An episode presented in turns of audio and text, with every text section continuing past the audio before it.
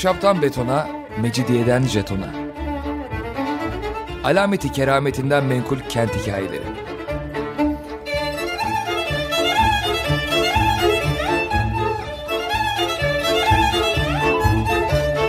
Hazırlayan ve sunan Pınar Erkan.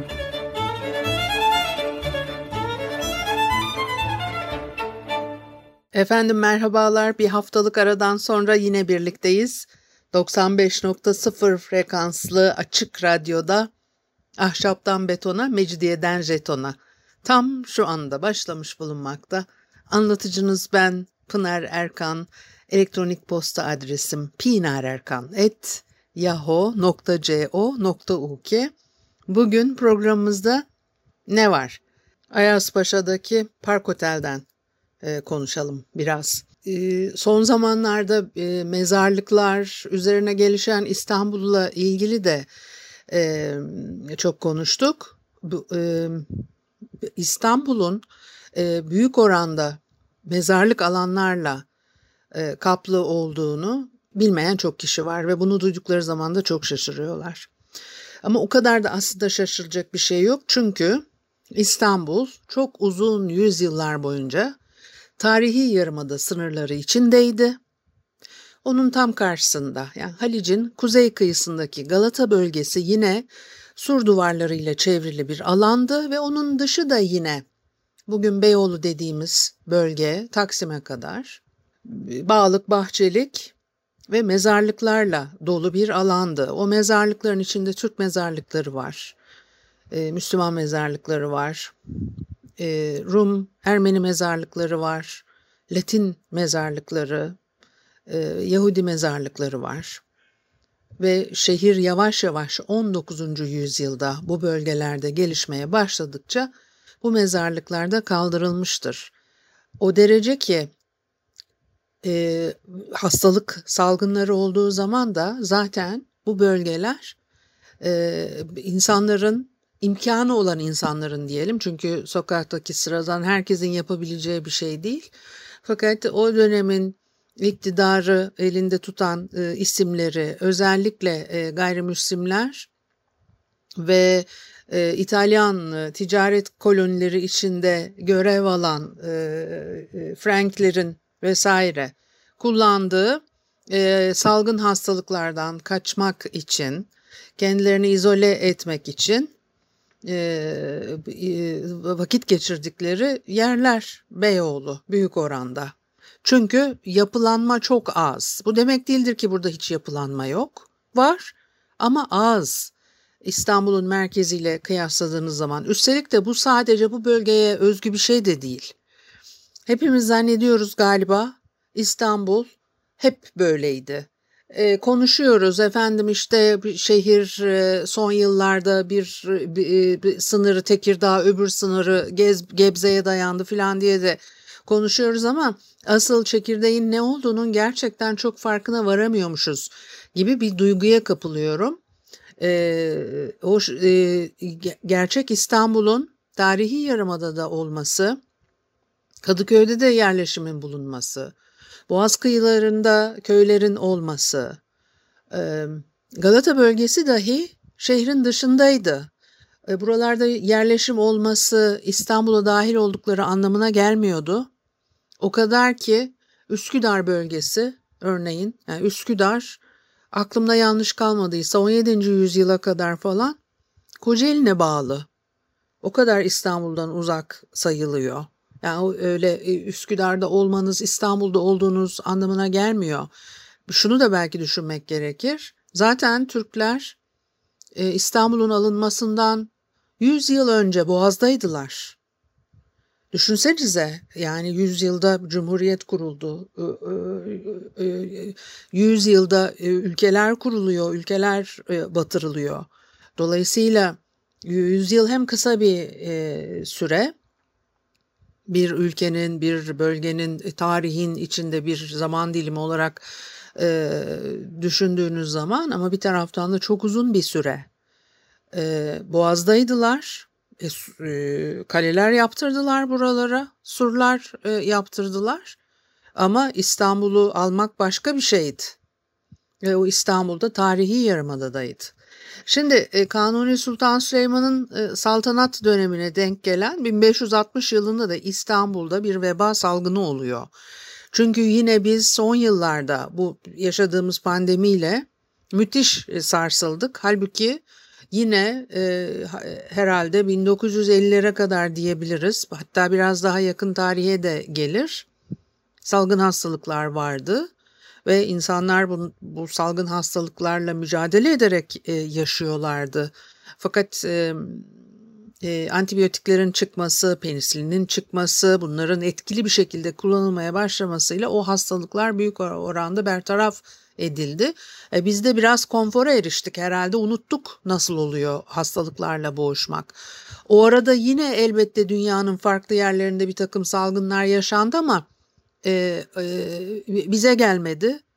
Avrupa büyük oranda korundu bu hastalıklardan filan. Dolayısıyla da biz unuttuk o salgınlarla nasıl yaşanıyor. Halbuki yüzlerce yıl boyunca salgınlar toplumları etkiledi ve çok katastrofik etkiler söz konusu. Öyle basit şeyler de değil.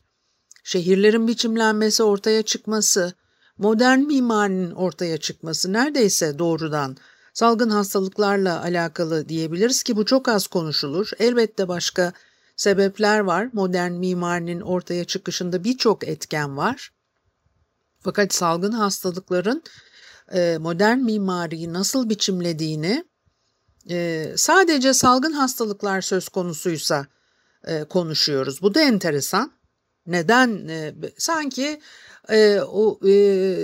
ortaya çıkış sürecinde, biçimleniş sürecinde mesela işte ben arada bir bunu yazıyorum. bu konuda yazdığım makalelerim de var. veya işte dile getiriyorum yaptığım paylaşımlarda filan. Corbusier'in, Le Corbusier'in çünkü Le Corbusier mimarlık, modern mimarlık için önemli, en önemli isimlerden biri olduğu için elbette ona vurgu yapıyoruz. sağlık ve hijyen konusu çok önemli. Corbusier'in mimarisinde, biçimlenişinde ve o dönemde tabii çok e, kovulduğu adam kovulduğu yerler var. Yani e, son derece olumsuz e, tavırlarla karşılaştığı e, mimarisinin e, tenkit edildiği yerler var ama genel olarak baktığımızda elbette modern mimarinin en önemli e, isimlerinden e, hala e, ve bunda salgın hastalıkların etkisi çok büyük. Şimdi bu 1560 yılında İstanbul'da veba salgını başlıyor. O salgının yayılmasını engellemek için çeşitli tedbirler alıyorlar. O tedbirlerden bir tanesi de İstanbul içinde ve Galata'ya yani yerleşimin olduğu bölgelere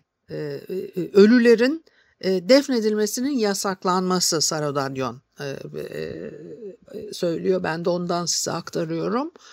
Bugünkü kaynağımız Sarodadyan ve de yeni mezarlık olarak hiç yerleşimin olmadığı şehirden çok uzakta boş bir arazi olduğu için Taksim ve etrafı seçiliyor. Zamanla İstanbul'un en büyük mezarlıklarından biri haline gelmiştir bu alan. Ee, programın başında saydım hemen her dinden ve milletten insanlar burada yaşıyor. Mezarlıkları da var. Ee, ve de o Taksim etrafındaki bölgenin o kimliği neredeyse 1800'lü yılların ortalarına kadar bu şekilde devam etti. O yıllarda İstanbul'da e, e, kendisine bir konak inşa ettirmek istiyor İtalyan elçisi Baron Blanc ve de yer olarak da Gümüş Suyu'nda bugün Park Otel'in bulunduğu araziyi seçiyor. Bu bölgenin son derece enteresan bir tarihi var. Ama yine e, işte kaybolup unutulup gidiyor. O yıllarda bölgede henüz herhangi bir yerleşim yok. Her yer mezarlıklarla dolu. Gerçekten de e, düşünürseniz eğer e, Elma Dağ'la e, e, Taksim arasındaki bağlantının 1860'lardan sonra net bir şekilde kurulduğunu, e, şehrin e, kuzeyine doğru e, gelişmesi ve buradaki e, nüfusun artmasıyla beraber e, Taksim ve çevresindeki mezarlıkların şehir dışı olduğu için bu sefer Mecidiyeköy Şişli çevresine taşınması 1940'lı 50'li yıllara kadar da o anlayış devam etmiştir. 1940'lı 50'li yılların gazetelerinde görürsünüz. İşte tramvay işlemeye başladı. Mecidiyeköy'e artık ulaşım daha kolay filan diye. Şimdi bu da neredeyse ne o 70 yıl diyelim mi? 70 yıl eski. 70 yıl bir taraftan çok e, uzun bir süre yine bir taraftan da çok kısa bir süre. İstanbul'un gelişim sürecini düşünürseniz eğer çok yakın bir tarih olarak değerlendirmekte herhalde hata yapmış olmayız. Şimdi İtalyan elçisi Gümüşsuyu'nda bugünümüzde Park Otel'in bulunduğu yerde bir kendisine konak yaptırmak istiyor. Manzaraya hayran kalmış ve de iki yanında taş blokların yükseldiği bir konak inşa ettiriyor. 60 odası var konağın e, Amerikalı bir milyonermiş eşi. E, birlikte bu konağa yerleşiyorlar. Bir süre sonra İstanbul'daki görevi son buluyor ve de ülkesine geri dönecek. O zaman da o çok görkemli konak 19 bin altın karşılığında Osmanlı İmparatorluğu'na e, satılıyor. Sonra da e, devlet konağı olarak e, hariciye nazırlarının, e, devrin dışişleri bakanlarının ikametine ayrılmaya başlıyor. Ve de o e, konağın bulunduğu sokakta o eski devirlerin hatırası olarak Hariciye Konağı Sokağı e, adını alıyor. E, 1895 yılında Berlin Büyükelçisi e, görevini e, üstlenmiş Tevfik Paşa İstanbul'a dönüyor ve de Hariciye Nazırı e, tayin edilince de teamüllere uygun olarak Ayaspaşa'daki konakta oturmaya başlıyor. Tevfik Paşa Kırımlı bir ailenin üyesi. Ferik İsmail Hakkı Paşa'nın oğlu yani asker çocuğu. Askeri okuldan da mezun oluyor fakat sağlık sebepleri nedeniyle erke, e, askerlikten ayrılmış ve e, o dönemin işte meşhur tercüme e, odasında e, memuriyetine devam ediyor. Roma, Viyana, Berlin, Atina gibi yerlerde elçilik katibi ve maslahat güzar olarak çalışıyor. Çok ciddi bir adammış. Lakaytlık ve iltimas kabul etmez bir çalışma prensibi sahibi. O yüzden de Sultan II. Abdülhamit kendisine Tevfik Paşa soba borusu gibi dümdüz bir adamdır dermiş. Müzik arası verelim ondan sonra devam edelim. Efendim Açık Radyo'da Ahşaptan Betona, Mecidiyeden Jeton'a devam ediyor. Haliyle Pınar Erkan'ı dinlemektesiniz ve de Ayazpaşa'daki Park Otel'in hikayesini anlatıyorum ama e, ondan önce burada çok önemli bir e, konak vardı ve de e, Tevfik Paşa e, bu e, konakta e, yaşıyor ve sonra neler oluyor? E, onu konuşuyorduk. Şimdi 1897 yılında Tevfik Paşa e, e, işte Sultan Abdülhamit'in kendisine yakıştırdığı ünvanın hakkını verdi diyor Sarodadyan. O sırada e, Osmanlı-Yunan savaşı devam ediyor ve de Osmanlı orduları Yunan ordularını e, bozguna uğratarak büyük bir zafer kazanmışlar. E, ve de 2. Abdülhamit de o zaferin sevinciyle devrin önde gelen askerlerine, paşalarına rütbe dağıtıyor, dereceler dağıtıyor daha doğrusu şöyle derecelerine göre ihsanlarda bulunuyor. O sırada Hari, Hariciye Nazırı Tevfik Paşa 40 bin altınlık bir ihsan göndermiş kendisine. Fakat Tevfik Paşa ben zaten devletten maaş alıyorum, işimi yapıyorum, görevimi yerine getiriyorum. Böyle bir şeye gerek yok diyerek geri çeviriyor padişahın ihsanını. Ee, onun üzerine Abdülhamit Paşa'yı huzuruna e, çağırmış ve de e, kendisinin evi olmadığını e, duyduğunu Ayas Paşa'da oturduğu konağa kendisine hediye ettiğini e, ve konağın değerini de devlet hazinesinden değil kendi şahsi parasıyla karşıladığını söylüyor. Bunu artık kabul et, e, geri çevirme diyor. E, tapusuyla beraber Ayas Paşa'daki hariciye konağını Paşa'ya armağan ediyor. Ve de o görevini Abdülhamit'in e, tahtta olduğu süre boyunca da e, korumaya e, devam etmiş Tevfik Paşa. Ailesiyle beraber uzun yıllar bu konakta oturuyorlar. Sonra Mehmet Reşat'ın tahta çıkmasıyla işler yavaş yavaş değişmeye başlıyor. Elçilikle Londra'ya gönderiliyor bir kere. Yani konak açısından işler karmaşıklaşmaya başlıyor. E, ve iktidarda ellerinde o sırada iddiatçilerin ve de Tevfik Paşa bir jest yapsa da konağı devlete geri verse gibi sözler çıkarmışlar. Fakat Tevfik Paşa benim hukukumu korumayan bir hükümeti ben Londra'da temsil edemem e, diye bir e, cevap veriyor ve bu konu kapanıyor ondan sonra. Öte yandan Paşa ailesiyle beraber Londra'da yaşadığı için ve de konak boş kaldığı için 1909 yılında aylık 60 e, altın liraya e, devrin hariciye nazırı Asım Bey'e kiralamışlar e, konağı. Asım Bey'in eşi Avusturyalı son derece titiz bir kadınmış.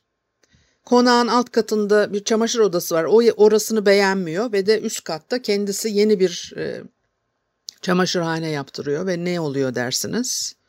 1911 yılında o çamaşırhanede bir yangın başlıyor, bütün konağı yakıyor. Ee, içindeki bütün eşyalar, antikalarla birlikte bütün konak yok oluyor. O muazzam konaktan geriye sadece iki tarafındaki taş blok binalar kalmış. Böyle İstanbul'daki birçok e, tarihi eser, konak, e, içindeki antikalar, bugün için antika, o günün e, mobilyaları, eşyaları, anılar e, e, böyle yok oldu, gitti maalesef. Tevfik Paşa 1914 yılında İstanbul'a geri dönüyor. Fakat öyle çok büyük bir maddi imkanı yok. Dolayısıyla da o konağı tekrar yaptıramıyor. Ne yapmışlar? Ailesiyle birlikte o yangından arta kalan taş bloklara yerleşiyorlar. Ee, e, Sultan Vahdettin döneminde sadrazamlık makamında e, e, görev alıyor ve Osmanlı İmparatorluğu'nun da son sadrazamı olarak tarihe geçmiştir Tevfik Paşa. Uzun bir ömür sürüyor. 1934 senesindeki vefatına kadar o Ayazpaşa'daki konağında yaşamaya devam ediyor. Ve de e, Tevfik Paşa hayattayken de yine Paşa'nın İsviçreli eşi Ayas Paşa'daki konakla ilgili sık sık e, buranın çok güzel bir manzarası var. Burayı yan yana odalar yaptırıp kiraya vermek gerek e, diyormuş. O paşanın eşinin o fikri ailede herkesin aklına yatıyor ve gelir elde edebileceklerini düşünüyorlar. Onun üzerine de Tevfik Bey'in küçük oğlu Ali Nuri Bey 1921 yılından itibaren konağın e, otele dönüştürülebilmesi için e, yatırımcılarla görüşmeye başlıyor. Hem yerli yatırımcılarla hem yabancı yatırımcılarla e, görüşmelere e, başlıyor. Alman yatırımcılarla örneğin görüşmüş ve de o otel fikrine çok sıcak bakmış Almanlar. E, birbirinden görkemli otel projeleri çizmeye başlamışlar e, çeşitli kurum ve kuruluşlardan fikir alıyorlarmış. Ön hazırlık e, çalışması e, yapıyorlar. Fakat o arada İstanbul'daki Alman e, Büyükelçisi diyor ki Türkiye'de böyle bir otelin alabileceğinin onda bir kadar otel müşterisi yoktur. Burası işlemez. E, boşuna yapıyorsunuz burayı e, minvalinde e, yorumları oluyor. Alman yatırımcılar o işten derhal geri çekilmişler. Arkasından Ali Nuri Bey e, yerli yatırımcılarla görüşüyor. E, Pere Palası Oteli'nin sahibi Misbah Muayyeş'le görüşmüş. En sonunda da demiş ki Ali Nuri Bey'e benim yegane amacım Tokatlayan Oteli'ni batırmaktır. Onun için Pera Palas Oteli'ni kurdum. Ayrıca sizin konağınızın bulunduğu yer Sapa'dır. Orada otel motel olmaz. İstanbul'da Beyoğlu'ndan başka hiçbir yerde bir otel tutunamaz cevabını vermiş. Çünkü Ali Nuri Bey e, devamlı kapısını çalıyor falan neyse öyle e, aktarmış Dadyan. Ee, en sonunda net bir şekilde e, bu cevabı veriyor kendisine öyle düşünüyorlarmış demek ki. bu bölgenin o yıllarda yani 1920'li yıllarda da ne kadar sapa kaldığını e, e, e, Beyoğlu'na bu kadar yakın ama bu kadar uzak bir yer olarak değerlendirildiğini anlayabiliyoruz bu ifadelerden. Sonra 1930 yılında e, Tevfik Paşa ailesi yeniden bir takım işte ekonomik e, olanaklara sahip olmaya başlamış ve de konağı onartıyorlar bir taraftan. Onu otole e, dönüştürmek için bir takım girişimlerde bulunuyorlar. Konağın iki tarafındaki taş blokları yükseltmişler bir kat daha. 24 oda çıkarmışlar oradan ve o asıl yanan ahşap kısmın olduğu bölüme de açık bir restoran inşa ediyorlar. Sonra da e, Miramare ismiyle otel olarak burasını hizmete e, açıyorlar. Fakat e, tabii otel işletmek öyle kolay bir şey değil. Dolayısıyla da e, bu işin altından kalkamayacaklarına kanaat getiriyorlar ve de oteli bir başka e, işletmeciye vermeye e, karar alıyorlar aralarında. Birkaç işletmeciye kiraya verilmiş. Fakat e, ticaretten işte anlamak başka türlü bir şey. Ya paralarını alamıyorlar ya da e, çirkin olaylar yaşanıyor o otellerde tahmin edebileceğiniz şeyler. 1931 yılında e, nihayetinde İstanbul'da Tokatlı isminde üç tane lokantası olan Aram Hıdır'a kiraya veriyorlar burasını. E, ve de e, otelin adı da Park Otel olarak değiştirilmiş. Hem e, akılda kalmasın o yaşanan işte çirkin olaylar demek ki bir e, otelin bir e, e, reputasyonu oluşmuş onu silmeye çalışıyorlar daha e, iyi bir isimle e, anılsın filan diye önünde de e, park var ve de Park Otel olarak ismini değiştiriyorlar ve de öyle de Park Otel gerçekten çok e, meşhur olmuş İstanbul'da da adından e, söz ettirmiş 1934'te 40 yeni oda ekliyorlar otele. O, o oda sayısı 1950'lerde e, 174'e ulaşmış. 1950'lerden sonra 200'lerin üstüne çıkmış ve de e, e, e, büyüleyici bir orkestrayla her e, gece düzenlenen e, danslar o İstanbul'un e, gece hayatını çok renklendiriyor. Atatürk de Park Otel'in müdavimlerinden bir tanesi. Ve de e, mesela İngiltere Kralı İstanbul'u ziyaretinde yine Atatürk tarafından Park Otel'de ağırlanmış. E, Park Otel'le anılan en e, müthiş isimlerden bir tanesi de Yahya Kemal Bayatlı'dır.